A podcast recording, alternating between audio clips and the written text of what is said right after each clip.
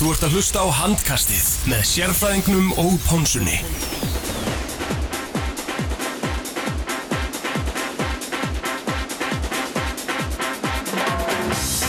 Jú, komið sæl og blessu og er hjertalega velkomin að, að viðtækjun og það er handkastið sem heilsar ykkur á þessum fína mánu degi, það styttist í, í sumari, það styttist í úslítakefnina, Óli Seil Karla henni laug um helgina á laugadaginn og við fórum yfir senustu umferðina á laugadaskvöldi eins eðlilegt og, og það er Óli Seil Kvenna, henni er lokið einni úslítakefni, þar er farin af stað. Annar önnur umferðin í undanúslita emjónum, hún fyrir fram í, í kvöld. En uh, í dag þá ætlum við að fara yfir Ólisteil Karla, við ætlum að uh, bara fara yfir liðin, lokastöðun og, og þar eftir gödunum. Inga til mín er komin heiðusgestur, gestur sem hefur komið hérna áður en þið hlustandi góður hafi ekki fengið að heyra hann vegna þess að fastegnarsallin Theodor Ingi Pálvarsson, hann fór eitthvað ránt í, í takkana í, í seinast þegar við hittum Gaupa. Að Guðjón Guðmundsson, þú ert gestur þáttarins í dag, verður hjartalega velkomin Já, takk fyrir að bjóða mig bara. Erðu, eins og ég sagði, þá hérna, þetta gekk ekki alveg eftir þú hittir, hittir okkur í desember. Það var skemmtilegt spjall. Fastnarsalinn náttúrulega frábær en hann er að selja fastnarnir í dag þannig að hann er heima eða út í bæ. Við byrjum að helsa hann bara. Já, ég segi það eins og heyri þá er Theodor Ingi Pálmarsson Pónsan sjálf, hún er ekki með okkur í, í dag. Hún er að selja fasteignir, held ég á Seltitanessi held hann að skjöld sér þangað. Eftir fall gróttu þá seljast íbúðunar á Seltitanessinu rætt og öruglega þannig að hann það bara vera á, á staðinum þannig að þetta verður bara tveggja manna teimi, það er sérfræðingun og kaupu og það hefur nú aldrei klikkað. Nei, búin að það ekki. Nei, og ég held að það gerist, gerist ekki núna.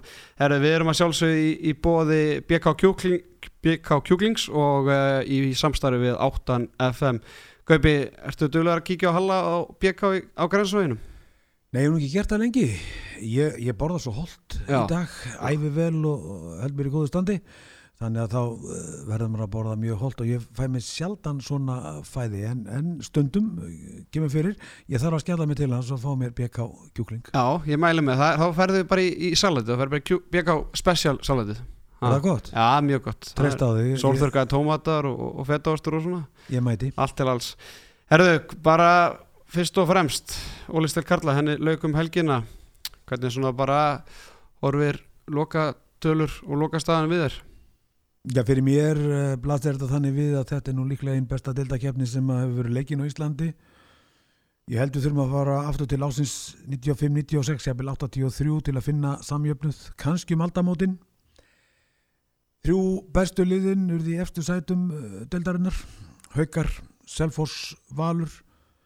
Auðvitað er staða valsmanna undir væntingum, þeir voru þó bara stíi frá tillinum.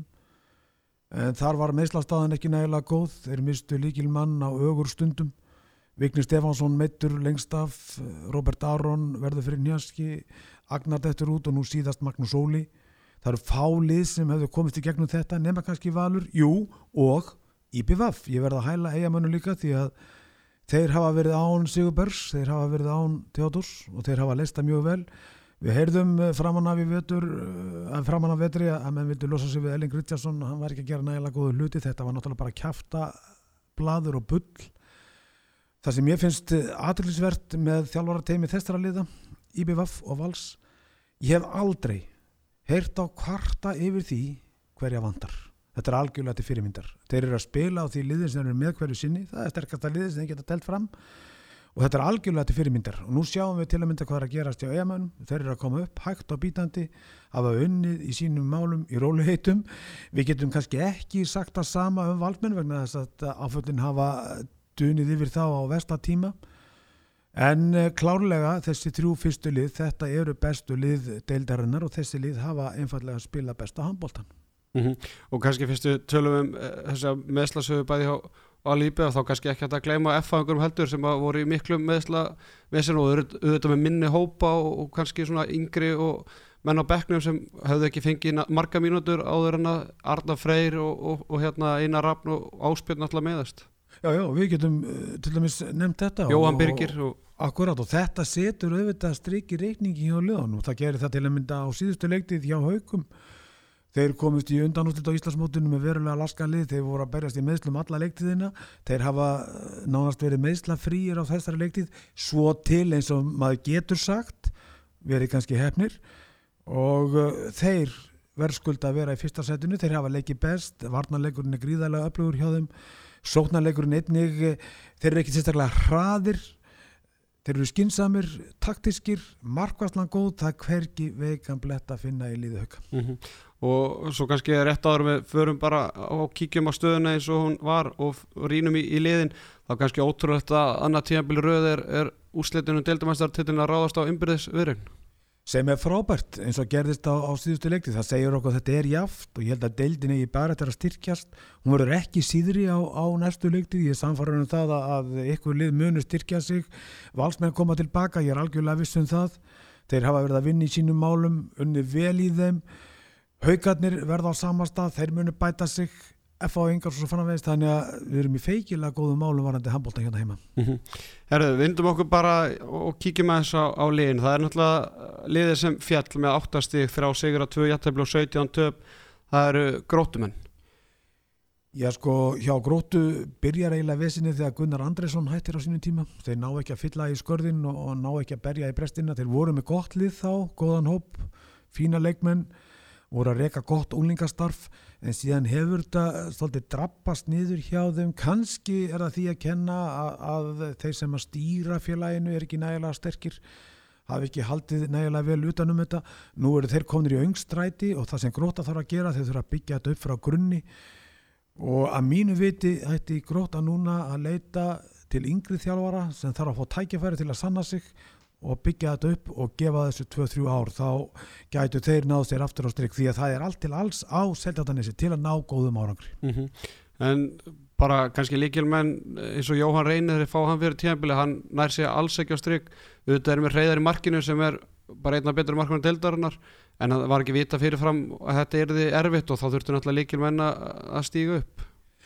Sko ég verð að segja það, Einar Jónsson sem að teka við grótum, ég fannst hann bara að gera vel þeir byrjuði mjög vel, svo verður hann líka fyrir áföllum uh, vandarstyrk, líkilmenn klikka reyðar auðvitað frábær markvörður eitt svo best í deildinni, það hefur verið gaman að sjá hann í betra liði og væri gaman að sjá hann enda á alvöru stað vegna þess að þetta er ykkur albesti markvörður sem Ísland hefur átt en ég verð nú að hæla Einar Jónssoni grótu fyrir bara það sem hann gerði fyrir grótu vegna þess að þeir voru alls ekki auðleysanlegir í vetur. Það þurfti að hafa fyrir hlutunum gegn grótu þeir voru skinsamir, spiluði ekki skemmtilega bolta en fjallu og nú þurfa þeir bara að rýsa upp og ég er samfarið um það þeir muni gera það á nesinu. Hver átaka við grótuleginu? ég bendi á, á einhvern ungan. Ég myndi velja ungan mann. Ég myndi tippa á mann eins og Mikael Akbasjov sem hefur verið aðstóða haugana, verið hjá val eitthvað svona mann sem gæti tekið þetta að sér og gert að hluti gefa ungum mönnum tækjafyrir, við þurfum líka að fá unga þjálfara upp sem er að búin að gera gott í yngri flokkanum undangjörnum árum, þau þurfum að fá tækjafæri á, á svona aukstæra sviði og ég er samfærður um það, það eru til menn sem að gætu tekið að sér grútt og gert þar gott mót. Ég nefni líka þjálfara kvennalið Selfoss sem er efnilegur þjálfari. Mm -hmm. verið gaman að sjá hans breyta sig á kallaliði svona getum við lengi haldið áfram Saman að því. Uh, kannski bara senasta punktur en þannig að ég held að markværsla hjá gróttu, ég held að það hafa verið með fjóruðu perstu prósenduna það var oft talað um hversu góða vörd gróta fekk þegar þeir voru búin að fá, mörk, uh, fá mörk á sig. Var þetta ekki líka bara það að þeir fengu kannski fáar sóknir á sig, þeir spiluðu hægt og voru lengi í, í sókn? Jú, það náttúrulega segir sér sjálf þeir spiluðu langar sóknir og þeir spiluðu svona anti-handbólta eins og við segjum stundum á köllum eh, sem var klókt þau þurfti að gera það og, og það virkaði á þeim en því miður uh, fjöldleðir mm -hmm. heldur að gróta heldur að sjá gróttu í ólisteldinu eftir tvö ár? Ekki til tvö ár, kannski þrjú ár. Þeir verða að gefa þessu þrjú ár, það er bara þannig því það eru, það eru leikmenn farnir frá grótu það hefur verið flótti frá félaginu. Það er líka slæmt, eh, það er flótt úr yngri flokkanum og þegar það gerist að, þá eru undirstöðunar í félaginu ekki nægilega góðar því miður. Mm -hmm. Herra, þá vindu okkur í 11. sæti þar lið Akureyrar. Nýlega er deildinni enda með 12 stig 5 sigur ára 2 jattefli uh, bara s- náttúrulega stærsta mál eða eina stærri málun tímabilsins það er náttúrulega ráðningin á Geir Sveins þar sem þeir, þeir reka Sverri bara um jólin. Uh, þeir eru með 8 stig þegar hann er rekin í- ekki í fattbaráttu en, en Geir næri 4 stig eftir áramót.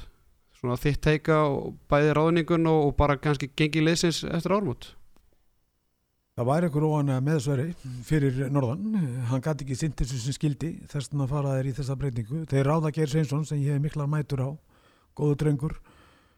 Góður þjálfari, ég er samfæður um það. En, en því miður gekk þetta ekki upp hjá hann ég held líka að leikmannahópurinn hafi verið svolítið tættur. Þeir voru með sterkar leikmenn inn á milli. Fá þarna tó útlýtinga uh, Markmann og, og Mikkel Udengu sem er frábær leikmaður mér fannst Sverri til að mynda nýta hann mjög ítla meðan hann var hjá honum, geir nýta hann öll betur. En þú komin í þessa stöðu eins og þeir voru í að þá er þetta afar erfitt viðrögnar og við skulum ekki gleyma því að þeir hefðu getað unnið hauka fyrir norðan. Þeir voru með þann leiki í hendinni.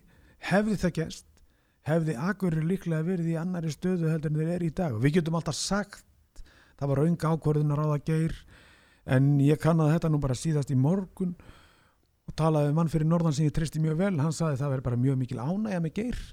Leikmöndin hefur verið ánægja með hann. Æfingarnar hefur verið góðar. En uh, það náði ekki að skila sér inn á völlin og það skilaði sér ekki í ústutun leikja.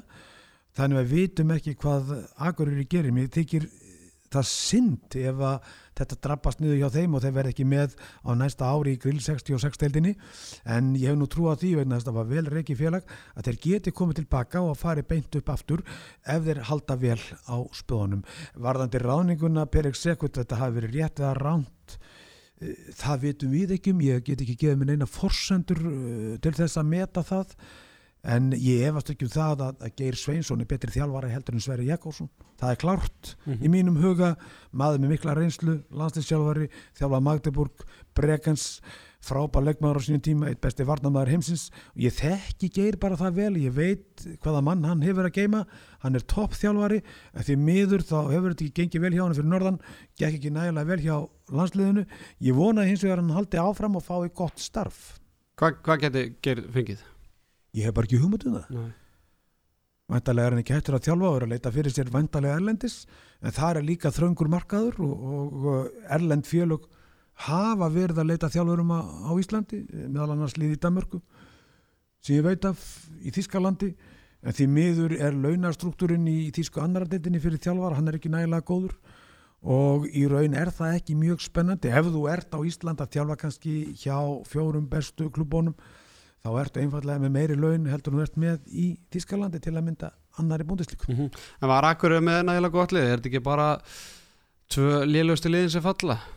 Ég held að það sé ekki spurning þessi lið voru slökust á þessari leiktið og áttu það skilið að fara niður auðvitað held fram í raun að veru sko á líginni mér fannst framleiðið ekki samfærandi í vetur mér fannst það ekki gott og eh, enn eitt árið voru þeir í basli og þeir þurfa verulega að stokka upp hjá sér alla hluti ætliði sér að komast í hóp átta efstu liða á Íslandsmótunum mm -hmm. Er ykkur leikmennana í akkurat liðna sem þú sér að getu styrt önnu liði í ólastöldunum næsta ári? Ígor Kopjanski Ígor Kopjanski, náttúrulega einn albæsti leikmaður deildarinnar, Leonid Mikuludenko frábær skitta, frábær leikmaður kannski ekki nægilega sterkur varnarlega ég myndi vilja hafa svona mann í mínu liði. Já, góðum þjálfar, eða góðu liði þá myndi hann blómstra. Nú það eru fleiri strákar þarna í, í þessu liði sem getur styrt hvaða lið sem er í ólistelt karla, ég segi kannski ekki 2-3 efstu liðin en, en eh, þeir koma að notum víða, jafnvel hjá Káa, ef að menn treysta sér til að spila fyrir Káa, þá, þá eru þarna leikmenn sem Káa geti hæglega krækt sér í. Mm. Þetta geti bara mögulega styrt og bara Káa ennþá meiri í baróttunni á næsta við ræðum K.A.S. setna, það eru framararnir, þeir voru bara í byllandi fallpartu nánast bara allt tíðanbilið og, og þeir enda með 15 stig, 7 sigrar, 1 hættul og 14 töp. En eitt svona flata tíðanbilið hjá, hjá fram. Já, fram var í, í sjálfum sér með ágættisleikmannhopp ég sá marga leiki hjá fram, þeir byrjiði vel. Ég sá það í fyrsta leiki að kval, gerði jættefli fýll leikur, voru með góða markmenn. En mér fannst hjá fram í vetur mér fannst vanta struktúr. Það var engin struktúr á þessu liði. Maður vissi ekki hvernig liði myndi spila leik til leiks. Varnarleikurinn var þokkalögur stundum stundum alveg herfilegur. Markvarslan, hún var upp og ofan. Sóknarleikurinn var tilvílunakendur þar fannst mér vanta skipulag. Það var stundum engin leik áætlun Þannig að svona sá ég framliðið í, í, í vetur, ég þekki Guðmund uh, Pálsson mjög vel, ég er búin að þekkja hann frá því að hann var fjár ára, var með honum á spáni þegar hann var barn, hann var að leika við hann, þannig að hann þarf líka að líta svolítið í, í eigin barm, Eh, Viktor Gísli Hallgrímsson, þessi efnilegi markvörður, hefur eitthvað komið út úr honum? Ég hef ekki orðið var við það. Eh, það er búið að tala um það núna í þrjú ára hann sé að fara til útlanda. Stólið býða á húninum eftir því að semja við hann er hann farin? Nei, hann er ekki farin nú síðast, Er hann í landsliðinu? Já, hann er í landsliðinu. Já, vel gert býtu, ég er ekki komin að því, nú síðast Georgi í Danmörku. Ég er að vona að það gangi upp, en hvað gerur þeir? söndu við Dan Boydler. Þannig að hann er hugsanlega ekki á leiðinni þangað.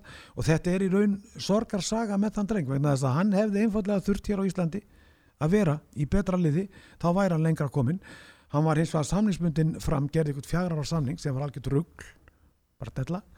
og ég sakna þess að sjá Viktor Gísla ekki betra lið á Íslandi. Og ég ætla að vona að nú gangi það upp að hann færi erlendis. Guðmundur valda núna í landsliðið.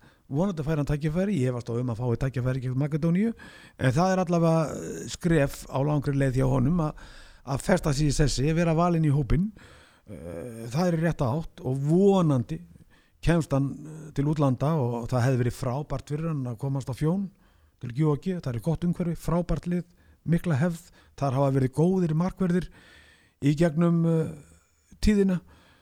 Þannig að það er synd ef hann kemst ekki þangað. En hvað, hérna, hvað framhæður þetta að gera bara fyrir næsta tímabil? Þetta getur ekki verið svona endurist það er- er bara, bara búa til nýtt lið eða nýr þjálfari. Það er að henda ykkurum út. Það þarf að, að gerast eitthvað. Þetta er annað það sem bara þeir komast ekki úrslutakeppni og eru bara nær því að falla. Það sem menn gera þegar illa gengur þá líta menn náttúrulega í eigin barm þjálfarnir þurfa að gera það, eh, leikmennir sjálfur þeir eru með gríðarlega skemmtilega stráka. Þóttu Gauti eitt svo skemmtilegast sem ég séð. Frábær leikmaður, hann getur náð lengra. Vill hann gera það í fram, getur hann gert það í fram? Getur hann gert það með þessum þjálfara? Það voru hérna örfendi strákar sem komu til þeirra, spiluði mjög vel.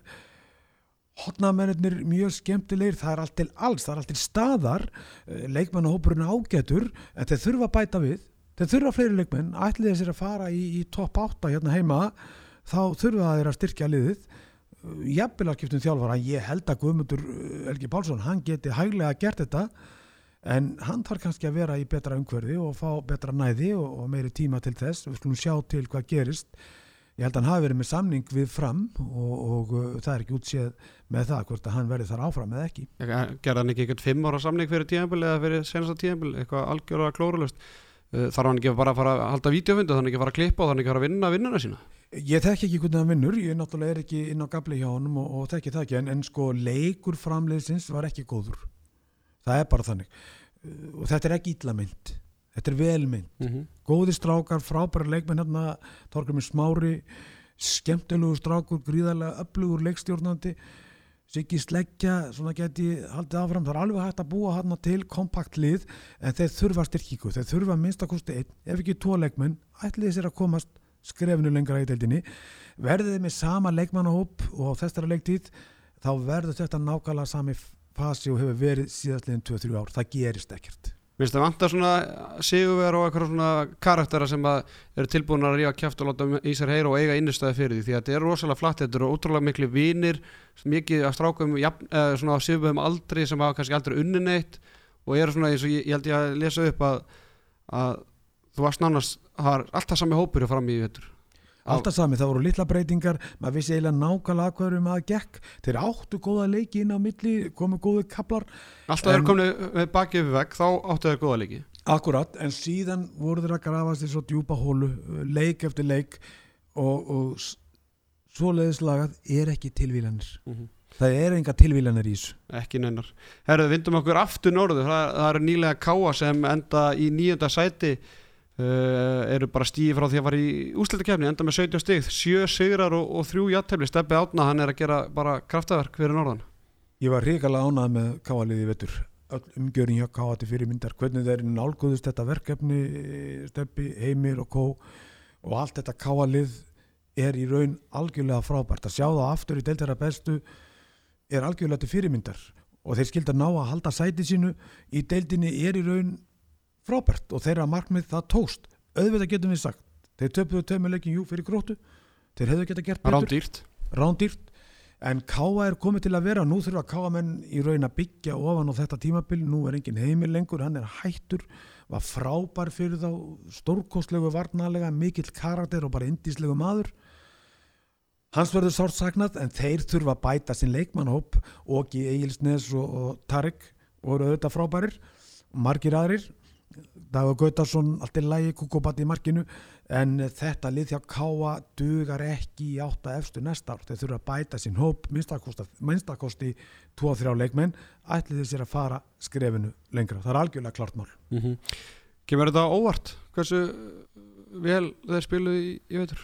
Já, það komir óvart og ég er gríðarlega ánað með að, Stefáni hafi tekist þetta vegna þess að hann uh, vann lengi í vestmannum, síðan fór hann á Selfos og gerði það frábæra hluti var látið inn taka pokansinn og Patrikur tók við, fór norður í raun volust umhverfi þegar hann fór þangað.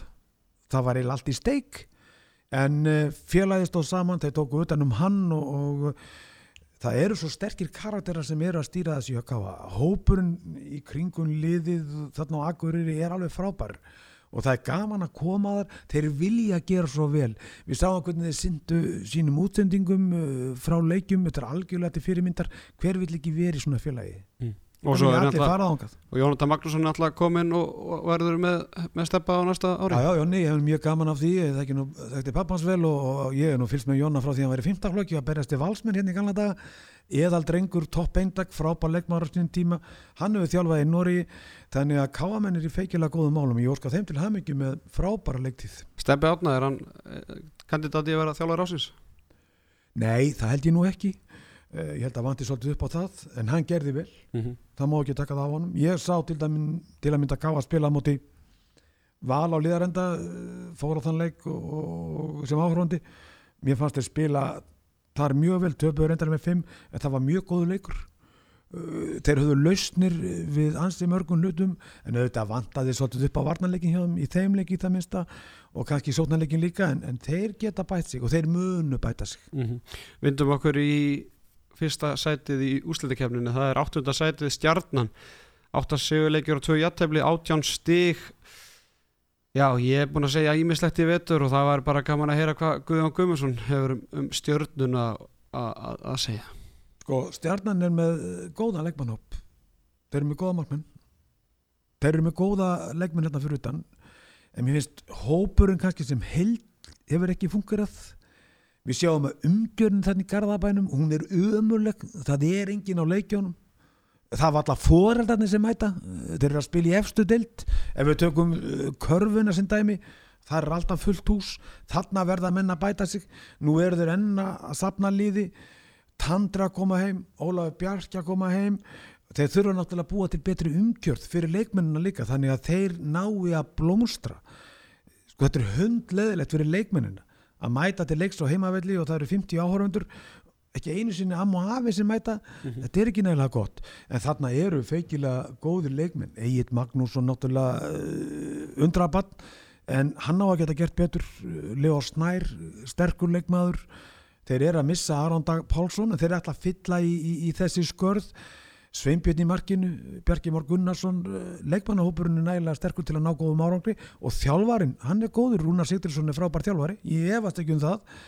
En þarna þarf að bæta alla umgjörði kringum klúpin og, og það best að segja að ég væri leikmaður þá myndi ég ekki nenn að fara í Garðabæðin og spila ég myndi það er enginn að horfa. Næ, ég er alveg sammálaður og, og talandum umgjörð og, og og áhörunda, við fengum senda skemmtilega, eða mjög skemmtilega mynd af stúkunni frá leikstjórnuna og selfos í lokaverðinni, þar var 90% af þeim 200 áhörðu sem voru, voru selfinsingar sem var til fyrirmyndan en það kom enginn úr Garðabænum og nei, þetta er náttúrulega ekki nógu gott vegna þess að bæjastjórin eh, í Garðabæk Gunnar Einarsson, þetta er nokkur albesti handbóltamaður sem Ísland hefur nokkur sinna átt og hann byggði þetta hús fyrir það hann í mýrinni. Gunnar var snillingur og, þar að leiðandi er þetta mjög uh, leðilegt en uh, Kalli Lili Dansko, hann er búin að halda þessu saman og, rífa þetta áfram en auðvitað verður hann að fá ykkur fleiri með sér í, í lið. En þeir eru að keppa við fókbóltan, það er gengið vel þar. Þeir eru frábærir í körfinni Góður í fimmleikunum. Já, og, og það er ekki alltaf að vera góður allstaðar, þó að menn viljið það. Handbóltinn hefur sittið svolítið á hakkanum en nú þurfa þeir að bæta þetta og laga, annars verða þeir bara á sama stað á næstu leiktið þó þeir voru í ár, jafnvel þó þeir fái alla þessa leikmenn til sín fyrir næstu leiktið En uh, þú nú búin að tala nú um, um að það sé með gott lið og, og, og það er eftir göttunum 8. seti, 18 stík hvað fór úrskæðis, það er ekki bara umgerðin Mér fannst nú liðið byrja mótið ekki nægilega vel eh, þeir lendu í ykkurum meðslavanda Aron Dagur var náttúrulega mjög slagur sérstaklega framan af. Án Ara Magnússon alltaf Ari Magnús Þorkesson var meittur og það var kannski líkillin fyrir stjörnuna að hafa hann heilan verðin þess að það er á ferð frábær handbóltamæður og hann gerir mun meira fyrir liðið, hann er skinsamur, hann er klókur hefur handbóltagreind, hann skorar ekki mikið af mörgum, hann dregur vel frá heldur boltanum vel á floti. Þetta er maður sem ég vildi hafa í mínu liði og ég held að flesti þjálfara deildarinnar vildi hafa hann í sínu liði einfallega vegna þess að hann er góður handbóltamæður en án hans var liðið í raun hvorki fugni fiskur og, og það voru sumu leikir sem að ég sáð á spila sem voru bara alveg ræðilega slagir en þeir náðu samt þarna ágættum kapla og, og sínd okkur það að það er smá líf í þeim á neisti. En nú kemur það í ljós í útlættakefninni hvort að hvort að þetta sé eh, raunverulegu styrkur hjá þeim að þeir geti keft þar. Ég er ekki viss en það verður bara komið ljós. Við verðum að leifa þeim að njóta af avans mm -hmm. ræðum úslagkefnin á, á, á eftir. Vindum okkur í, í sjönda seti. Þar er Íringa með Bjarnar Fridsson í að stýra skúturinn með 19 stygg einu stíði ofar en stjarnan og, og tveimur stíðum meira en Káa. 7 sigrar og, og 5 jættefli uh, sjönda seti, er það ekki bara sæti sem Íringanir eiga að vera að keppast um? ég held að Ír hefði hæglega geta verið ofar í dildinni þeir eru með góða mannskap, þeir eru með gott lið vandamáli á Ír kannski eins og mörgum öðrum liðum, þeir lenda í miklum meðslum þeir kaupa Stefan Nílsen hann hefur að mínu viti verið undir væntingum. Þetta er markmaður sem hefur verið hjá IPVF hann var hjá Val, allstað byrjað vel góðu til áramóta, séðan dettur hann niður. Nú Björgun Holgensson var í basli vegna meðsla, algjör líkil maður hjá þeim frábær leikmaður. Íeliðið er mun betra heldur en menn halda og, og ef að ég hefði verið þjálfari í er þá hefði það verið vonbriði fyrir mig að lenda í, í, í sjönda sæti. Þetta er lið sem átt að vera keppað um sæti frá fjögur til sex, ég er algjörlega klára því. Hvað lið ætti þá að vera fyrir neðan í er? Ég, það er erfitt að segja til um það. Þeir eru allavega með mannskap í það. Þannig að ég er samfæður um það að Bjarni Fridsson hann er ekkit ánæðið með þetta sæti. Alls ekki. Þeir náðu góðun leikim, voru ekki nægilega stöðir Bergvin Gíslason góðu leikmaður, ekki nægilega stöðugur verið að baksa við meðsli Sveiti Jóhansson hann hefur nánast horfið í er nánast horfið. Hvar er hann? frábær leikmaður einn efnilegast línamaður landsins tveir metrar tæpir frábær varnamaður, hann hefur ekki sést. Þannig að íringa geta verið svona sæmilega sáttir en, en, en þeir átt að gera betur og það er, ég tala um það í, í jákvæðum, tón alls ekki neikvæður út í ír mér fannst bara lið, það átt að gera mikið bet, betur en það gerði. Þeir eru með betra lið en, en tablan sínir og nú sjáum við svolítið uh, hvað þeir geta gert þegar þeir fari í útlæðakefnina ég, ég myndi ekki afskrifa ír. Ef allt fellur með þeim og þeir ná að, að berja þetta saman þá eru þeir stór hættulegur anstæðingur mm -hmm. Ég er algjörlega saman því en, en eitt af því sem að, það er náttúrulega bara bæti á í er það eru, það eru bara umgerðin kringum mistarlokkin sjálf það eru fullt af orðum að leikjum það eru stuð og stemming, benni, bonga og trómónum og það eru grillaðar hambúrgara fyrir leik og svona en, en ég, var vittni af einni mistarlokkin hjá ír í, vetur. Bara það, þetta er það fyrirmælegasta sem ég séð nokkuð tíman það voru sko áttagerðir af vestum í gangi. Eh, það voru kannski 2 af þessum 12 eða 13 vestu sem var ekki sko sundur yfin ég sá valla leikmann af þessum 25 sem voru æfingu sem voru mertir í æfingunni þetta var bara, sko Steffen var í IBF gallanum og Björgun var í HSI gallanum og Elias Pávarsson var í KSI í málingagallanum og það er eftir götun þetta er bara, þetta er, þetta er litli hlutin sem skipta máli. Já, þetta hefur rosalega mikið að segja. Öll svona ydri og innri umgjörð hún skiptir rosalega miklu máli í Íþróttum. Og ef þú ætti að spila á svona háum styrk og level eins og Ólistelt Karla er í raun og veru þá þurfa þessi hlutir að vera í lagi en ég er samfærður um það að ég er á ekki mikla peninga. Kannski vantar fólk í kringuliði til að stýra og stjórna. Það eru kannski ykkur ein, tveir einstaklingar sem er að reka þetta og sjá um þetta. Þannig að þetta verður alltaf mjög erfitt. En náður að bæta þessa hluti og þá er ég nú samfærður um það að ég er á, á góða framtíð. Þeir eru með feikilega sterkar leggmenn í mörgum stöðum, gleymum því ekki. Mm -hmm. og bara fjölmargir að efa handbólti á ég ég minna þeir eru með tvö ungmennarlið og, og, og fína þriðaflokk og fjóruaflokk þannig að það er framtíðinu björtan en, en þeir þurfa að breyta þessu. Þetta er líka bara eitthvað sem leikbennir getu bara tekið á sig skilju og sektasjóri farið þetta því að þetta gengur ekki til lengdar að þessi búið upp á svona þegar að, ég meina, hvaða leikmar á, á vilja koma í þessa umgjörð eða vilja fá okkur almeinlega leikmenn, hvaða leikmenn hafa verið að fá? Þeir hafa verið að fá leikmenn heim eins og Björgun Holgjörns og svona og sér hafa þetta verið kannski ykkur svona miðlugsleikmenn úr, úr, úr liðlega liðum. Ég segi nú ekki miðlúsleikmenn, þarna eru frábæra leikmenn, Kristján Orri til að mynda stórkvöldsdeindag, frábæra leikmaður. Uh, fleiri geti ég nefnt til uh, sögunar en það er eitthvað sem hefur verið að tröfla á því veitur og eins og þú segir ef að, ef að þetta er með þessum hætti þá er það náttúrulega ekki gott. Og þarna vantar kannski pínlítinn aga og þarna vantar kúltúr og struktúr til að gera betur. Mm -hmm. uh, Sjötta sæti þar er mórsveitlingar undir stjórn Einars Andra með 23 stík, fjóru stíðum ofar en í er nýju sigurleikir og, og fimm jattefli, átta töp. Þetta hefur heldur betur erfið, erfiða vikur og erfið mánuður bara síðan um áramotinn hjá Einar Andra og fjöluðum Já, ég held að sko mósveitlingar ætluðu sér mjög stóra hluti. Þeir æfðu mjög vel fyrir þessa leiktið mönnuðu liðið mjög vel upp. Ég eru með gríðarlega öflugun og sterkan leikmannahóp margi leikir sem ég sá hjá þeim í vetur voru feikilega góðir svo duttuðu niður á afar daburt plan þess á milli. Einar er auðvitað búin að vera þarna í fimm ár og, og það er galdur að þjálfa sama lið svona lengi en hann er búin að endun í að liðið talsvert mikið.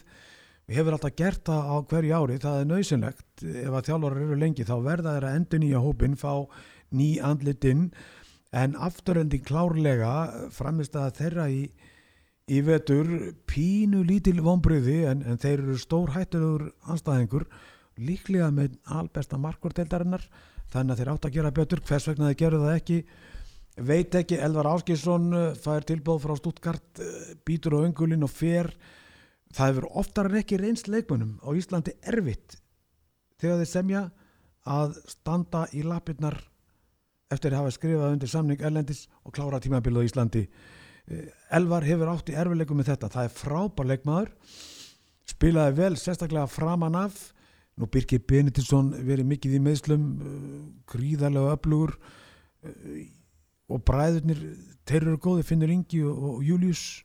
Þannig að það er allt til alls í mörgspænum, umgjörðin góð þannig að sjötta seti fyrir þá er vantarlega pínlítil vonbröði Er það ekki meiri vonbröði fyrir þá en til dæmis í er að lendi í sjöta, Jú, ég held að það sé ekki spurning, það er vonbröði fyrir þá vegna þess að þeir náttúrulega hafa í tvígang farið í úslið á Íslandsmótun, þeir hafa verið að berjast við þessi bestu lið og verið að stríða þeim og geta unnið þau.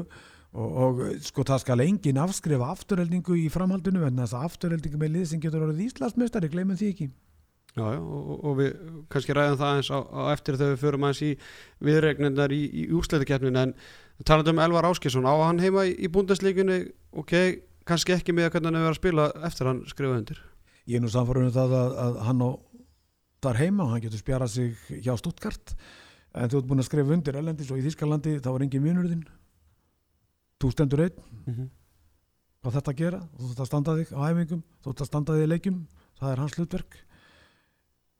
Þetta er mjög potensial strákur hann er góðu varnarlega, með frábær skott getur spilað á miðunni getur spilað vinstra megin, getur spilað hægra megin. Hæfileikarnir eru til staðar en hann þarf auðvitað að bæta sín leik og hann þarf að vera með höfuð rétt skrúað á það er klart mál, en kröfunar á hann í Þískalandi verða mun meiri heldur en í Mórsfjörnsbænum, þó það séu miklar allt annað umhverfi. Og þar verður engin ekki einn maður vinnunars Nei, uh, leikmaður sem mikið var í umræðin í byrjum móts ungur efnilegur úleika landsinsmaður sem kekk í ræðir afturleika frá, frá val, Tumisteinn Rúnarsson. Hann heldur betur blómstarið til að byrja með og, og hann hefur bara svona jæft og þétt verið að vinna sinn í því að vera bara einn af mönnunum í, í afturleika liðinu í, bara í efstu delta sínu fyrstu tíabili Frábært eintak, gríðarlega öflugur leikstjórnandi, góður leikmaður handbóltagreind hefur allt til að bera kannski aðeins gefið eftir steinni lutamótsins, það er eðlilegt fyrir unga menn sem er að stíga sín fyrstu skref og fyrstu spór í þessari deild. Þetta er erfitt. Kannski verið svolítið losara bragur á hennu núna fyrst mér í, í, í síðustu leikjum.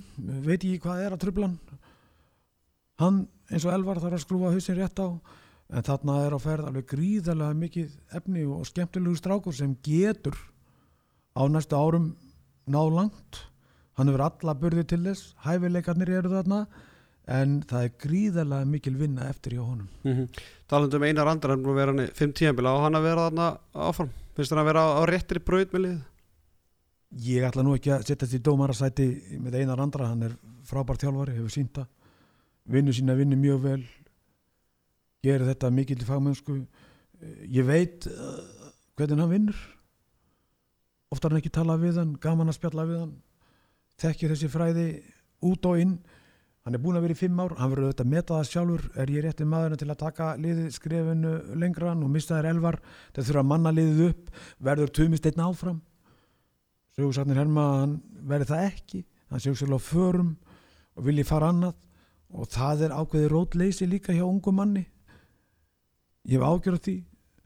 Þú ert að fara á milli félag á hverju einast ári, það er ekki gott þannig að mósvellinga verður náttúrulega bara að halda auðvitað um sinn hóp og, og ég treysti einari andra til þess. Ef hann verður áfram þá, þá mun hann leysa það mál. Mm -hmm.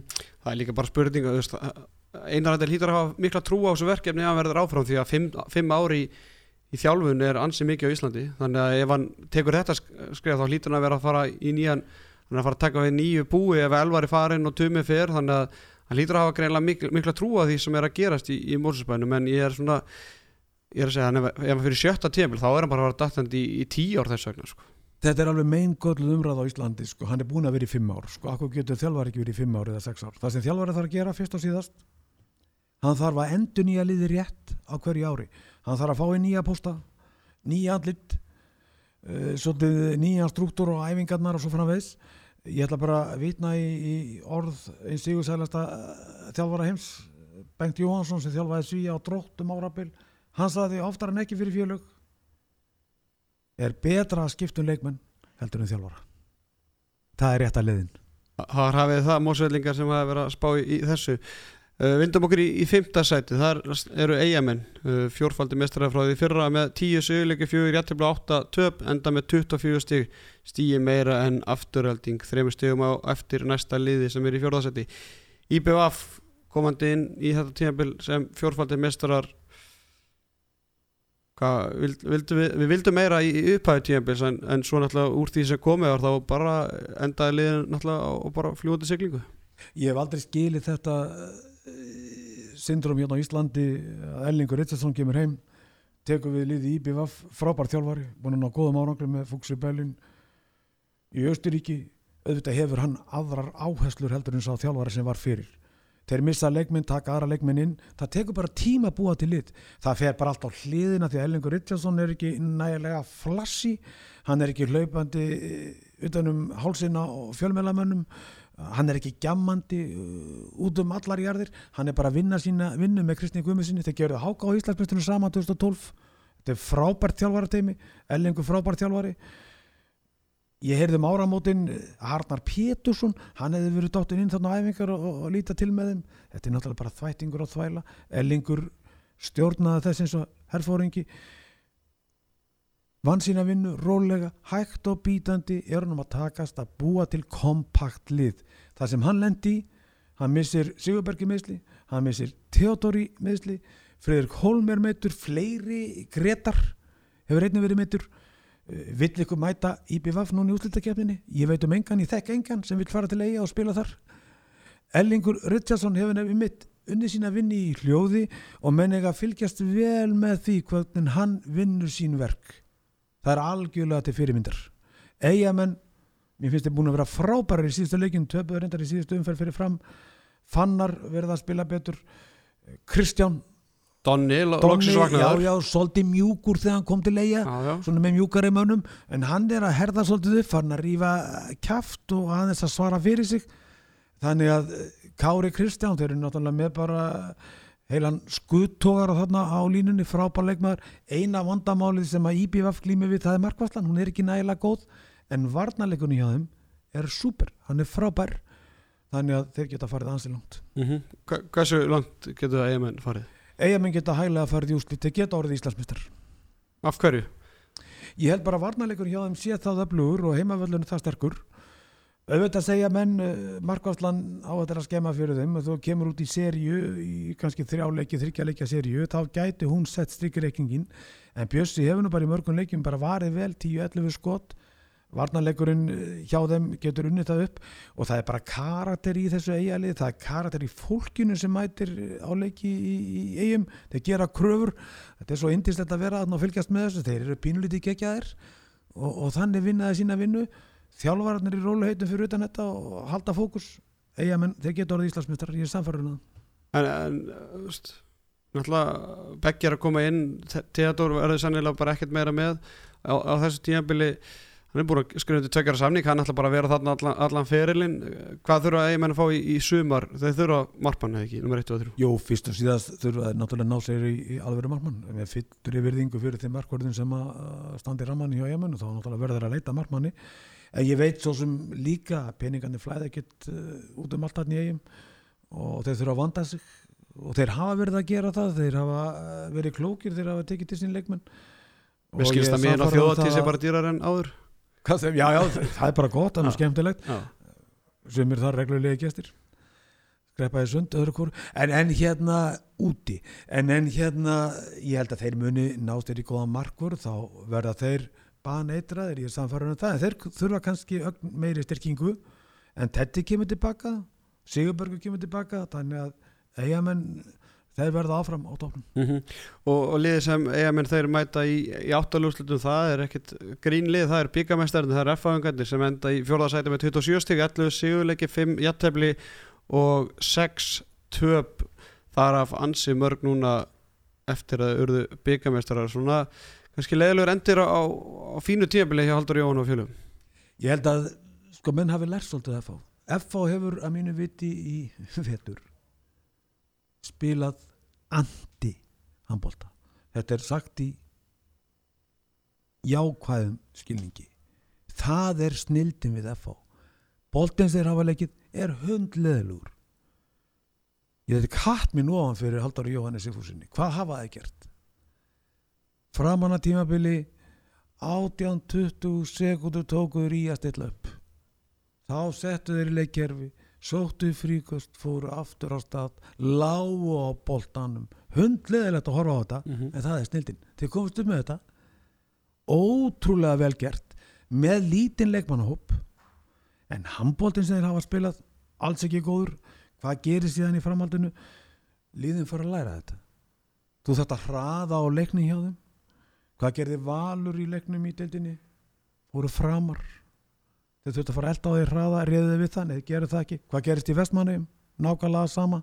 5-1, 3-2-1 þeir þurftu að fara elda á því hraða, þetta er vandamál F-álisins, að því að hópurinn ekki nægilega breyður, Einar Abneðsson svo magnaði leikmaði verið frábær, búin að vera mittur áspilt náttúrulega stórkóslegur en ef þau get ekki spila sem bolta þá eru F-áingarnir í vandamálunum, jafnvel þú þau séu með frábæra vörn, markmenn að þá gengur þetta ekki endalust þú getur ekki endalust leið að blöðurinni leika til einhvern veginn. Að menn læra á þetta, dómarinn hafa látið þetta átölulust lítil töf dæmd á FA í vetur.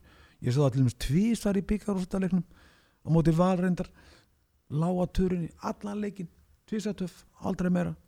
Og svona hefur þetta verið í mörgun leikim en þeir eru með frábært líð og frábæran þjálfar og frábæra umgjörð mm -hmm. FA og, vel reiki félag. og talandum Áspjörn Freyðursson hann var allavega langbæsti leikmaður fyrir áramót.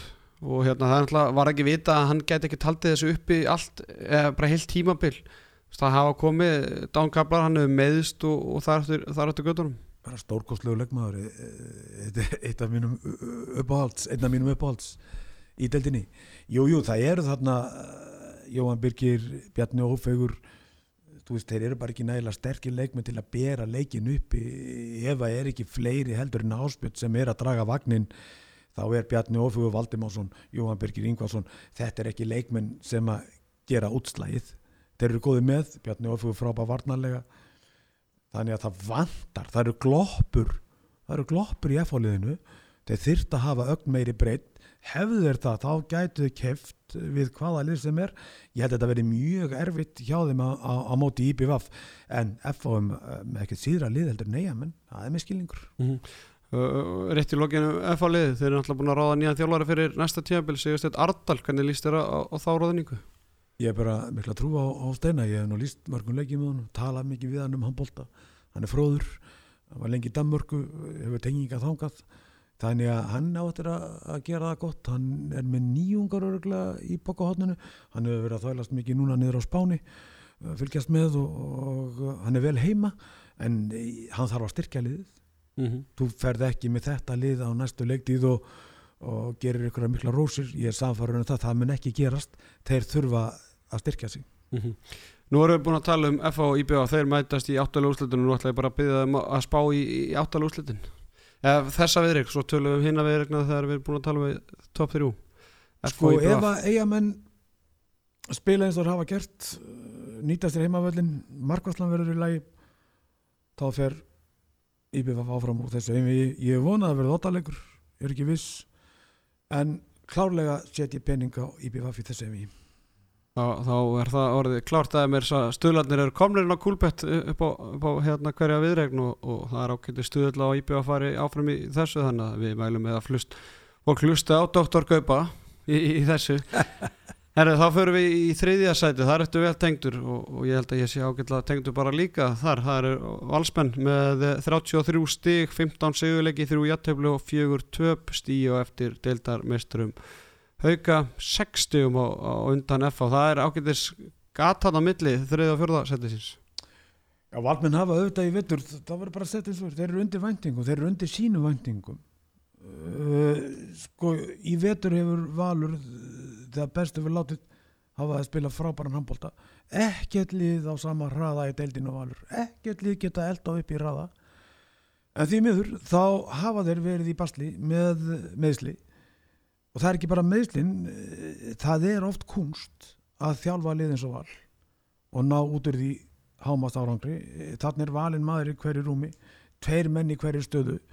Menn að berjast og keppa við hvern annan. Þannig að þetta hefur tekið á meiri tíma heldur en að þeir kannski sjálfur reiknuðu með svo hafa þeir verið óhefnir en valur, ef ég ber val saman núna og í fyrra þá er þetta allt annað valsli, það er mikið betra. Hvað hafa þeir gert hraðin, mikið meiri. Þeir hafa fakka feilum þeir eru þó talsverður en þá náðu þeir að, að minka feilana enn meira að þá spá ég því að svona innan fára mánuða þá verði valur óvinnandi víi náðu þeir að halda þessum leikmannahópi saman. En auðvitað eru þeir særðir. En eins og ég sagði á hann, mér finnst gott hjá þeim þeir eru ekkert að afsaka sig þeir hafa gefið ungun leikmannu tækifæri Valencia fengið Monsi Ásker Snær sem ég er mjög hrifin af hann verið að fá tækifæri. Vonandinn fá þeir núna fleiri en tvo leiki til að sína sér að sanna þessi strákar. Svo má bara ekki gleyma því að Valur er með frábært unglingastarf þar eru drengir að koma upp úr ykkur flokkonum sem eru gullmálar. Ég get nefnt einn, Tryggva Garðar Jónsson tvekja metra slána sem ég spái ef að vel verður haldið á málum þá getur hann orðið eitt sá best í heimi. En hann er bara þekki hann 15 ára. Ágætlega. já, hann er bara 15 ára. Já, já. en, en valsmenn munu taka þessa drengi sína og hlúa að þeim, þannig er góð umgjörð. Það er gott að vera í val, ég veit að það eru margir sem þól ekki félagi þarna vegna þess að það halda margir að allar skúfur séu fullar af sælum það er ekki þannig, valsmennir eru skinsamir eru grindir, þannig að geta að laða til sín góða leikmenn. Hvers vegna? Jú, vegna þess að umgjörðin er góð Mm -hmm. uh, Valsarðin náttúrulega fara í úsleikefnuna án, án Akka og Magga það átti ekki að rýma en þetta bara rýmar það verður bara að hafa það en, en þetta er, er stort högg fyrir, fyrir liðið og líka bara á þessum tíamóti það hefur verið annað hefur gert, eh, þetta hefur gerst í, í desember og það fengið allan tíman í, eftir áramót til að, að púsla þessu saman en hversu mikil áhrif hefur, hefur þetta, þetta úslita áhrif? Já, þetta hefur náttúrulega úslit áhrif og, og var þetta Magnús Óla þá er ég afar sár fyrir hans hund einfallega vegna þess að það var búið að velja inn í landsliðið og Guðmundur Guðmundsson valdan einfallega vegna þess að hann ætlaði að nota hann. Hvers vegna? Jú, hann hefur verið að spila ekkit ósvipaðan leggja val og landsliðið er að leika. Guðmundur vissi það þessna velur hann eitt besti leikmaða deildarinnar og þetta er fyrst og síðast mikið áfatt fyrir Magnús Óla sem er búin að vera stórkostlegur í, í, í, í vetur en uh, áfallið við val áfallið fyrir val er auðvitað mikið þá, ég myndi telja að það væri kraftaverk að valið með þetta list eru með í hönduna núna uh, færi áfram í undanúslit Mm -hmm. Það er náttúrulega bara vindum okkur í áttölu úrslitin það er valur aftur lík Já, ég held að afturölding sé bara favorites í þessu eimi. Þeir eru með alla sína leikmenn heila og býtu valur getur á góðum degi kæft við þá, það er alveg klart mál. Þeir eru með góða vörn, þeir eru með frábara markvörð, besta markvörð deildarinnar, svona heilt yfir, hann danna. En valur þarf að halda vel á spöðunum og þeir þurfa að spila sinn lið á móti afturöldingu. En uh, fyrir þetta einvi án Agnars, án Magnúsar, þá myndi ég alltaf setja minn pening á, á afturhaldingu og þeir færi gennum þetta einvi ef allt er eðlilegt. Mm. en Valur er bara Valur þeir eru Þeir eru ennþá með bæsta markvarparið það er ennþá þarna, þeir eru með Orro og Ími í vörtinni með Alessandur Júliusson, með Róbert Arnur Hostert, Vignis Áhansson Nei, Vignis Stefánsson segi ég, Sveitn Aron Sveinsson og, og fleiri. Já, þetta er gott lið, Ég er að segja á, þetta lið ekki að vinna afturlíku það Eða? Nei. sko þetta lið á geta þeir eiga ekki að vinna. Þeir geta unnið. Ég get unnið á þeir eiga ekki að vinna, þeir geta unnið Já.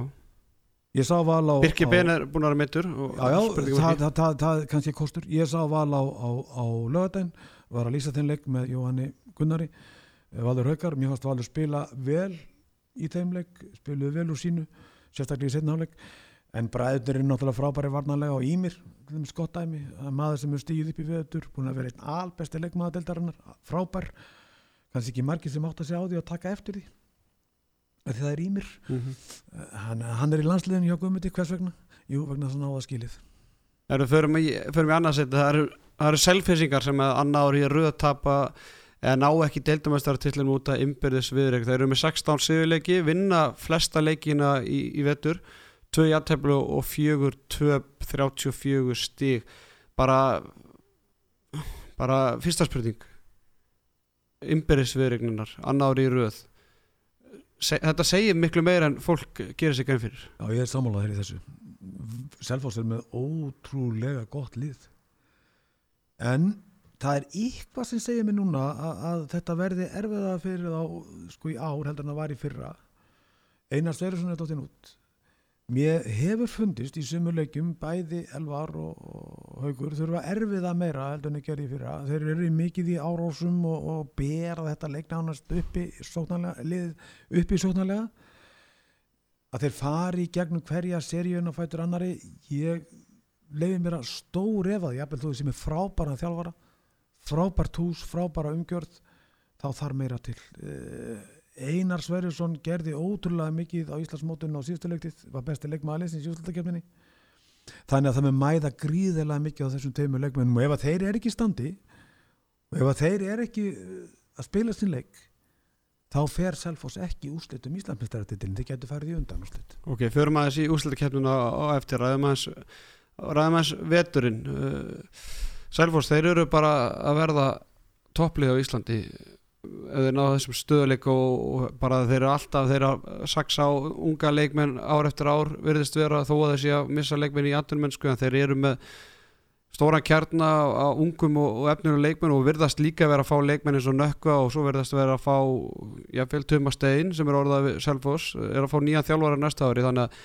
Selfoss er að svona að koma upp eftir mögur ár undanferðin ár. Já, alveg til fyrirmyndar hjá þeim hvernig þeir hafa unni sína vinnu. Þeir náttúrulega með góða akademíu það er ungur piltur, ég held að sé í fjóralokki verkefni þeirra lokki sem er örfendur já, ábastar fjárleiki sem er gríðarlega mikið efni þannig að, að þar er framtíðin björt en hins vegar sko er ljóst að, að ungir menn þurfa tíma. Þetta gerist ekki eins og það gerist í fyrra þeir blómstra allir hérna nánast á augnabliki í höndum Patrex það mun ekki gerast aftur Jóhannes Jónssoni, það er klart mál. Þeir geta haldið við geta haldið standard en uh, það þarf eitthvað meira að koma til á Selfossi. Þeir missa Elvar Örd sem er náttúrulega stórkostlegt eintak, frábær varnamaður gríðarlega góður skotmaður, bara góður leikmaður, alliða leikmaður því ég sá hann fyrst að þá uh, bara var ég hellaður á honum og hef verið það. Þeir missa hann, þeir mun ekki fylla hanskarð, jafnvel þó að haugur bæti sig og verði áfram, jafnvel þó að fáið tumastein, þá verður liði veikara en þeir þurfa að styrkja sig á ykkurum póstum, það er klárt, hugsanlega hæra meina á vellinum, þeir eru þar með Átnastein Steinþórsson. En selfisingarnir þurfa styrkingu til þess að halda þeim standard sem þeir hafa verið á í fyrra og í ár. Og jafnvel að fá betri markmann. Já, markallan hjá þeim hefur því miður ekki verið góð. Gjúpúlski, Pólverinn eh, hefur ekki verið nægilega stöðugur, hann hefur heldur ekki gengið alveg heitt til skóar mm -hmm. Hefur ekki verið að plaga hann í höðinu sem ég þekki ekki nú nægilega vel. En öll umkjörð og selfos er til fyrirmyndar og það er gaman að fara það átna á leiki. Og þeir geta unnið hvaða lið sem er en ég svona sett spurningamerki við að núna hvort þeir fari gegnum uh, serjur í undanúslutum úslutum þar sem þú getur spilað allt í fimm leiki, að verði gríðarlega erfitt í ár. Mm -hmm. Uh, Patti var alltaf þekktur í, í fyrra fyrir það að vera djarfur í, í varnarleik. Það er kannski aðeins fyrir, farið minna fyrir því núna ástæðan kannski út af því að liðin voru farin að, að spila það bara 7-6 á mótu þessari framleikindu vörn. Já, já, patti er náttúrulega bara klókur og, og, og uh, spilar á sínum styrkleikum. Hann hefur verið að spila tvær til þrjár varnir, hann hefur getað fært á milli, mér finnst þetta ekki að hafa verið eins þétti varnarlega núna í vetur eða voru í fyrra. Það var slitnað svona ögn meira, hvers vegna veit ég ekki, jú þetta er bara erfiðara, líka liðin kannski taka meira marka á þeim, stútar og það betur. Ég, ég hef séð lið í vetur spilamótið sem að náðu að, að loka á það á gjörsanlega og voru búin að tekna það upp eh, alveg í tætlur.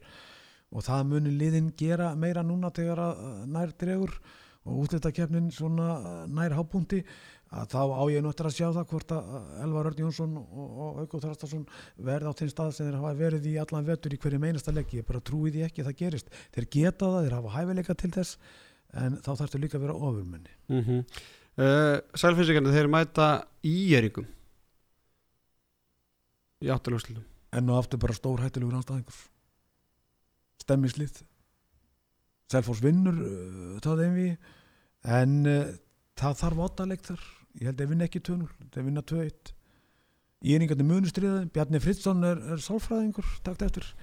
Og Íeringarnir komust jú í undanúslit í, Coca-Cola byggarnum og ef að íringarnir sjálfur hafa trú á verkefninu og spila eins og menn og skrúa hausin rétt á þá er ég samfarið um það að það geti strýtt selfisingum, ég held að Selfoss hafi þetta einfallega vegna þess að Selfoss er með betri þjálfara, hann heiti Patrikur Jónesson Já, ok, nú ertu búin að koma selfisingum þá áfram í undanúslið þótt að verði krefjandi, þeir munu mæta út í því handbóltan verði ekki eins og körunni, það er vita að liðinu með 2 og, og 7 þeir munu mæta liðanum í þriðja og, og sjötta seti þannig að þetta er ekki svo í körfin að efstalið mætir alltaf neðstaliðinu sem kemst áfram. Þannig að það er vita að 2 og 7 mætir 3 og, og 6 já, já, þannig að, að selfinsíkandir þeir munu þá mæta löskum völsurum eða afturlíku Já, það bara er verðut verkefni fyrir Selfoss að mæta afturöldingu En val?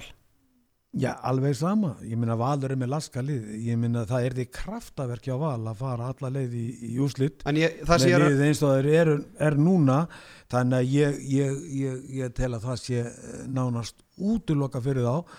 Nema hópurinn náttúrulega rífið sér saman og þjálfara teimiði gott hjá Val. Ég bara veit það fyrirgefið að þeir munur einn allt sem þeirra valdi stendur. En Valur er bara þannig klúpur. Ég held að þeir hugsi bara eitt leik í einu. Patrikur, hann hugsaður eitt leik í einu þannig að þetta er staða sem við getum séð fyrir en það sem ég er að segja að Selfors fer aldrei í gegnum úrslutalega móti haugum Íslandsmyndstarartillin í fimmleika seríu, það gerist ekki en, en minn punktur er, er sá að Selfors er kannski að fara auðvaldari leið í úrslitin en til dæmis haugarnir sem munu þá mæt gefum okkur það haugarnir vinni stjórnuna sem þeir munu gera. Gera það örgulega Já, þannig að þá eru þeir að fara í haugar eða í BVF en ég myndi nú telja að Selfors var að fara auðvaldari leið með að mæta Selfoss það er klárt sko en gleymið því ekki að Selfossliði er líka laskat og það mæði mikið á tömum mönnum Segja, en þetta er auðvöldar leiðin í fyrra mikið umfældir í auðvöldar leið. En liði hjá þeim bara í fyrra fannst mér sterkar að það er í ár. Mér fannst það betra, liði sem spilaði í úslutum í Íslandsmótinu á síðustuleiktið var frábært. Eh, Selfoss hefur spilað vel í vettur en þeir hafa ekki náð sömu hæðum og þeir gerða á síðustu leiktu, finnst þér það? Nei, ég er alveg sammálaður og, og kannski var hitt kannski hæðum var og miklar út af því að bara komið manni líka svo mikið óvart. Þeir eru bara býst bara við þessu núna frá selfinsingum og, og þeir hafa verið í baslið ég menna að þeir hafa un, unnið fá að leiki stórt og þeir hafa gert það í lokaðu fyrir nú að þá hafa verið bara að vinna liðið með einhverju 2-3 mörgum í, í alla vettur þannig að og, en ég meina þeir eru Það er samt ríkilega gaman að sjá það spila. Ég, ég nýti þess að sjá það spila. Frábært að vera og bara í og og svona. Mér finnst alveg geggjað sko. það er frábært líka að vera bara á, á Sælfossi Herðu, klárum, klárum þetta með því að fara í haugana sem verða deildamestrar og óskar þeim alltaf sjálfsög til hamingi með það í annað eða þriðaskipti núna í, þessari viku. Uh, 15 sigurleikir, 4 jætteflu og 3 töp, 34 stig. Hvað spáðu þú þeim deildamestrar? Já, ég sagði að Valur eða, eða aukar myndi vinna til dæmis startitilin sko svona fyrirfram og ég er alveg fullkonlega heðalega um þetta fyrirfram þegar deildin hófst voru það tvö langbæstu lið mannskapurinn báðum liðum frábær eh, leika áallun og allt saman til staðar hjá báðum liðum markværsla góð, varnarleikur stórkostlegur, karakterar haugarnir búinir að vera með Gunnar Magg þennan tíma kunna þennan leik upp á tíu það er hvergi veikan blett að finna. Svo finnst mér líka sem haugarnir hafa gert vel í vetur uh, markværslan hefur uh, lagast uh, Andri og uh, Andri Skeving og, og Gretar. Gretar verið frábærir. Andri Skeving bara besti markmaðan í grillinu bara með eitthvað yfir 50% markvæslu bara geggjaður. Já. Og mér finnst líka að haugarnir, þeir eru svo skinsamir þeir, þeir gera lítið að mistökum uh, eina sem pyrra mig svolítið stundu við haugarna, mér finnst leikurinn kannski ekki nægilega hraður hjá þeim en það er bara þeirra stíl, þeirra leikur. Þeir eru með Bamrúk, þeir eru með Danna svo náttúrulega Ásker Örd sem er snillingur. Oft talaði um að Ásker eh, sé ómögulegu leikmaður. Heyrði þetta oft með landslegin, hann er og verið frábær. Júdokappin bara geggjaður. Og, og svo náttúrulega hefur Heimir Óli eh, bara verið stórgóðslegur hann hefur svona tekið sjálfan sér svolítið í gegn og hann hefur uppskorið. Hann er í landslýshófnum verið einn albesti leikmaðadeildarinnar hotnamennir Brynjólfur Snær, Orri geggjaðir, þannig að haugarnir eru bara með stórgóðslegt lið. En, en auðvitað er það vita mála að það má ekkert bregðast hjá þeim. Ég veit að það er eitthvað njarsk á liðinu þó þessi svona sæmilega heilir það má ekki mikið brotna undan þessu þá eru þeir konir í vesen. Það er bara hjá öllum liðum. Mhm. þetta er fylgi fiskur íþróttana og það er að meiðast. Talandi um Brynjólf Snæði, hann er svona einn, einn af einn af öskubösku æfinturum tíabilis, þetta er strákar sem hefur verið í haugunum bara frá því að hann, hann fættist bara í haugablegin og, og svona verist vera sem að hann og Haldur Ingi hefði átt að skipta sig í eftir milli sín og þeir, það var þannig lengi vel í vetur en, en síðan bara held ég að hafa fengið nóað í þjálfarnir og hann bara fekk tækifæri og, og hefur nýtt það bara frábærlega sko, Haldur Ingi er heldur engin aukvísi frábær leikmaður með gó- góða handbóltakinni þannig að þeir eru raun með tvo leikmenn í hverju stöðu. Svo er þeir með sko, manni svo Allamár Bárusson sem er vannmetinn búin að vera frábær, eh, getur spilað allar stöður, eh, skora mikið af mörgum og er klókur, skinsamur tjörfi þetta haukalið þetta er alveg ótrúlega stert og vel þjálfa lið svo er Aron Kristjánsson komið með um á bekkin það er gríðarlega mikill styrku fyrir Gunnar Magg. Menn verða að tala um það að hann hafi tekið þetta yfir sem er náttúrulega algjör kjáftæði hann mætur á æfingar hann á tvistar í viku. Hver hefði slegið hendina móti manni eins og Aronni Kristjánssoni með þá reynslu? Frábært fyrir Gunnar að hafa með sér. Hann getur tekið til þarna og látið menn vita og svo framvegis. Þannig að, haugarnir eh, ég held að Bjallan ringi hjá þeim 24. mæ já, í, í Jótalik Já, ég vona það, það verði óttalegur en eh, ég held að þeir verði Íslandsmeistarar. Auðvitað verði gaman að sjá ykkur aðra en það er eitthvað sem að svona, segja mér og læðist aftan að mér að, að það verður afar erfitt fyrir hauka.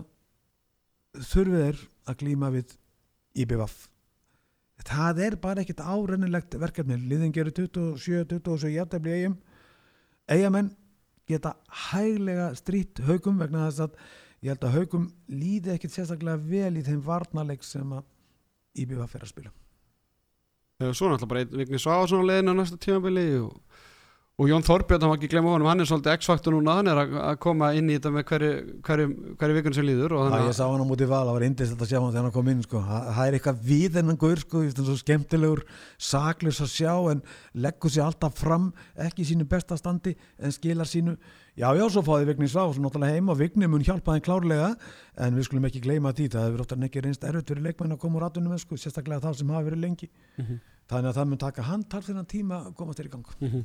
Haugarnir, þeir mæta stjórnunni í áttalöfslutum eða ekki að, að ég minna, er þetta ekki bara 2-0 eða? það hefur verið bingo í sal já. 2-0 og bjölluna 2-0 2-0 fyrir haugum í áttalúslutum og, og þessir stuðlar þeir eru komnir inn á, inn á Kulbett það er hægt að veðja á, á innvíð það er kannski ekki háir stuðlar nema í einvíðinu F og IBF og þar var kaupið með þá að reyna að IBF myndi taka það jafnvel í, í í þannig er, núna er yfirferð okkar yfir hérna liðin í Ólisel Karla lokið. Úsleirkjafnin hefst hvað lögadagin fyrir páskadag eftir hvað verða tvær vikur? Eða Það er tvær vikur í þetta. Hver er hérna ef við svona förum yfir allt bara. Hver er búin að vera besti leikmaður tímilsins? Sko í mínum huga er Magnús Óli Magnússon búin að vera bestur heilt í fyrir þetta tímabil, stórkostlegur. Bæði gríðarlega mætti vel undirbúðum til leiks í gríðarlega mikill í þjálfun æfingu. Elvar Örd Jónsson Selfossi búin að vera stórkostlegur þessi tveir og svo nefn ég líka Eimir Óla Heimisson. Þessi þrý leikmenn í mínum huga hafa verið frábærir. Daniel Freyr í markinu á val ef við tökum það fjórða. Áspiln alltaf sóknarlega. Já, já, búin að vera stórkastlegur en, en, en ég held sko Elvar, Magnús Óli þetta eru leikmennir Heimir Óli og Danni þessi fjórir hafa verið bestir. Mm -hmm. uh, einhverjir leikmenn svona sem hafa komið þér á óvart í vetur svona kannski einhver ungi strákar efnilegir sem að kannski varst ekki alveg með á eða þú er náttúrulega vantlalega varst með þetta alltaf reynu fyrir tíabili en, en einhver strákar þessum í úlíka landsliðunum í 2000 landsliðunum eða 98 Tumi Steinn, já, hann komið svolítið óvart svona mér fannst hann betri sérstaklega upp af mótsins en ég reknaði með hann yrði ég vissi reyndar sko að hann væri frábær og hefði þessa hæfileika. Hann æfði vel þegar hann var hjá Val og fekk þar góðan skóla og góða kjenslu mér finnst reyndar að hann var aðeins uh, dóttið niður núna setni luta mótsins og svona ekki alveg að spila á þeim eiginleikum sem hann hefur. En hann hefur komið mér sko gríðarlega mikið og óvart í vetur og mun betur en ég reknaði með já, svo Donni í vestmannum, framfarnir í honum eru meir en ég reknaði með búin að vera stórkostlu var ansi lengi í gang? Svo finnst mér líka hotnæmurinnir í val uh, Monsi og, og, Steven uh, bara geggjuð indug og sjáðu sprengi kraftin hjá þessum Valencia sko, ég er bara alltaf séð annað eins. Ef að þessi strákar eru skinsamir nenn að æfa og leggja sér fram og þá geta það nálangt fleiri gæti ég nefnt til uh, sögunar. Andri Skevingla í, í markinu á haugum Já, já, hann er bara búin að vera mjög góður og svo Ásker Snær, auðvitað, ég er búin að vera að býta svolítið lengi eftir hann og þú veist að þekkir það, ég er búin að tala um þetta í mörg ár tekja metra rísi hefur ótrúlega hæfileika en, en hann þarf að vera skinsamur og duglegur, hann er kannski svolítið latur og það kann aldrei góður lukka stýra en, en ég spáði því ef hann leggur sér fram 100% þá gæti hann á næstu þreymur árum farið alla leið í íslenska landsliðið og horfið þess að besti í þessari stöðu að ef við höfum ekki átt svona mann tekja metra mann örvenda skittu síðan Kristján Arason og Siggi Sveins voru og þarna er hann og sko ég myndi leggja allt í sölunar til þess að koma að þessum strák í næstu tröppu og komast lengur og ég veit að Guðmundur Guðmundsson hann er örgulega sammála mér, hann er búin að kíkja á hann á landsliðsæfingum, hann gerir það um áramótin hann var mjög hrifin held ég. Hann er reyndar ekki sagt mér það. Þannig að er strákur sem að menn þurfa hlúa vel að setja hann í bómull og, og, og þá er aldrei að vita hvað gerist. Mm Alltaf kannski og, og, fljótt að fara að rýna í tíðanbíl næsta ári en það eru hérna eh, við veitum alltaf Elvar að fara og Aron Dagur er að fara og, hvað, eru er ykkur fleiri búin að semja við lið úti Alltaf Tandri að koma heim og Ólaður Bjarkir að að koma heim Svafason er að, að koma heim. Hann Já, sko ég veit um eitt leikmann sem er að fara uh, verður vantilega tekið þetta morgun að hinn. Uh, kemur mér undir óvart að hann sé að fara sáleikmaður uh, en það að Sveti Jóhans eða? Já, akkurat uh, hann hvað vera að fara ég vil nú ekki segja hvert að- Er það ekki Sönnurísk eða? Ég, ég bundi trúna þetta Já, þetta er búið að koma fram í hangkastinu og, og hérna uh, það veikir uh, allavega deildin eitthvað. En ég held bara hjá mörgum liðum uh, þá er umgjörnum það góð hérna heima að menn er ekki að fara lengur fyrir ykkur að fimm öra til útlanda, bara til að fara til útlanda þannig að það verða ekki mikla breytingar. Ég held að til að mynda ég það breytist ekki mikið á haugum Danni gæti reynda farið eh, Daniel Dór Ingalsson, Rípe Estberg hefur verið að að eldast við hann. Ímir, jafnvel. Uh, ég uh,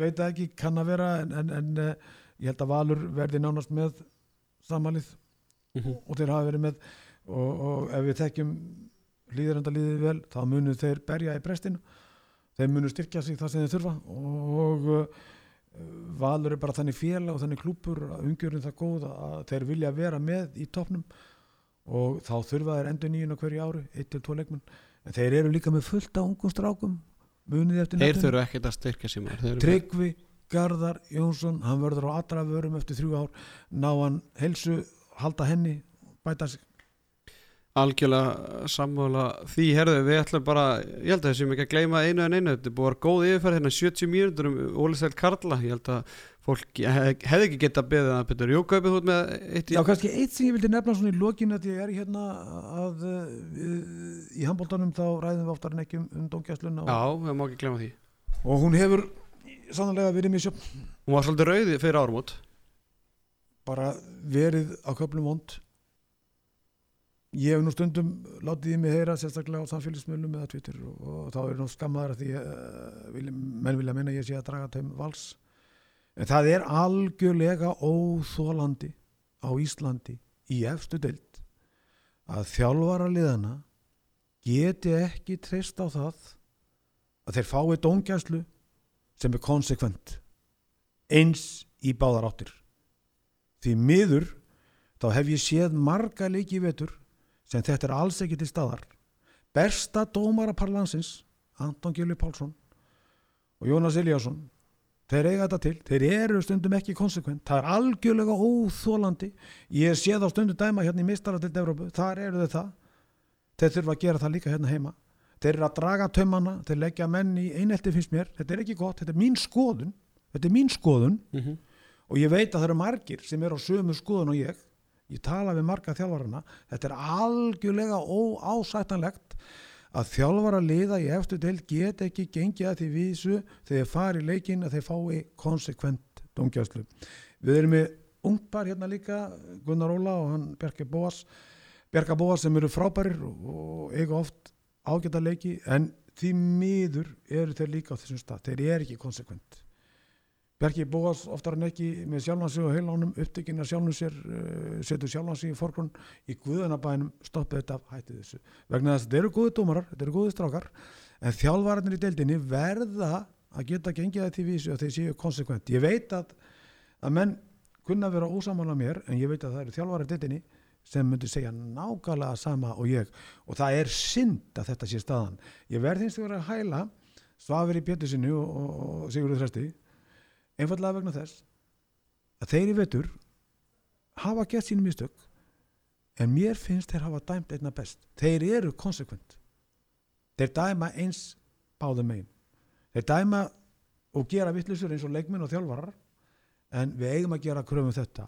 Auðvitað veit ég að það vantar endunín í, í dómarastættin og fjöluðin er ekki nægilega dugleg og svo framvegs en það er óþólandi þegar fjöluð verður að leggja mikla, mikla peningi í þetta að, að Dómkjastlan sé með þessum hætti sem hún hefur verið þessu þarf að breyta og við gerum kröfu um öll að gera kröfu um það hver einasti maður, leikmenn, þjálfarar, áhugamenn í Guðanabænum verði konsekvent. Í tekst einn dæmi, það var leikur á Selfossi, Haukar Selfoss. Það voru brottrekstar 5-0. 5-0. Haukar fengi ekki víti leiknum. Er þetta rétt? Nei, þetta er della.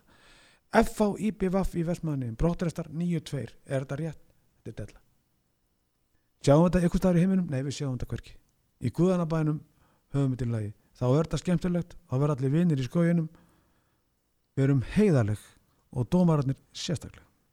Þetta var ágættis input hérna í, í lokingaupi, ég ætla bara að þakka að kærlega fyrir, fyrir þetta, ég ætla samt ekki að hvað ég alveg strax. Þetta var bara, ég er bara ég er bara með gæsa húð hérna en, en fyrst þú var að spyrja að tala um dókjastluna ég, ég, bara stein glemdi, við fengum hérna einhver nokkar spurningar sem áttum að, að koma Já. til og eina af þeim voru dómgjastlan og kannski þessi rauðu spjöld fyrir árumót, hvort að það hefði dreigi úr ljótu brotunum eftir árumót eða hver, hver er svona þín tilfinning verið því?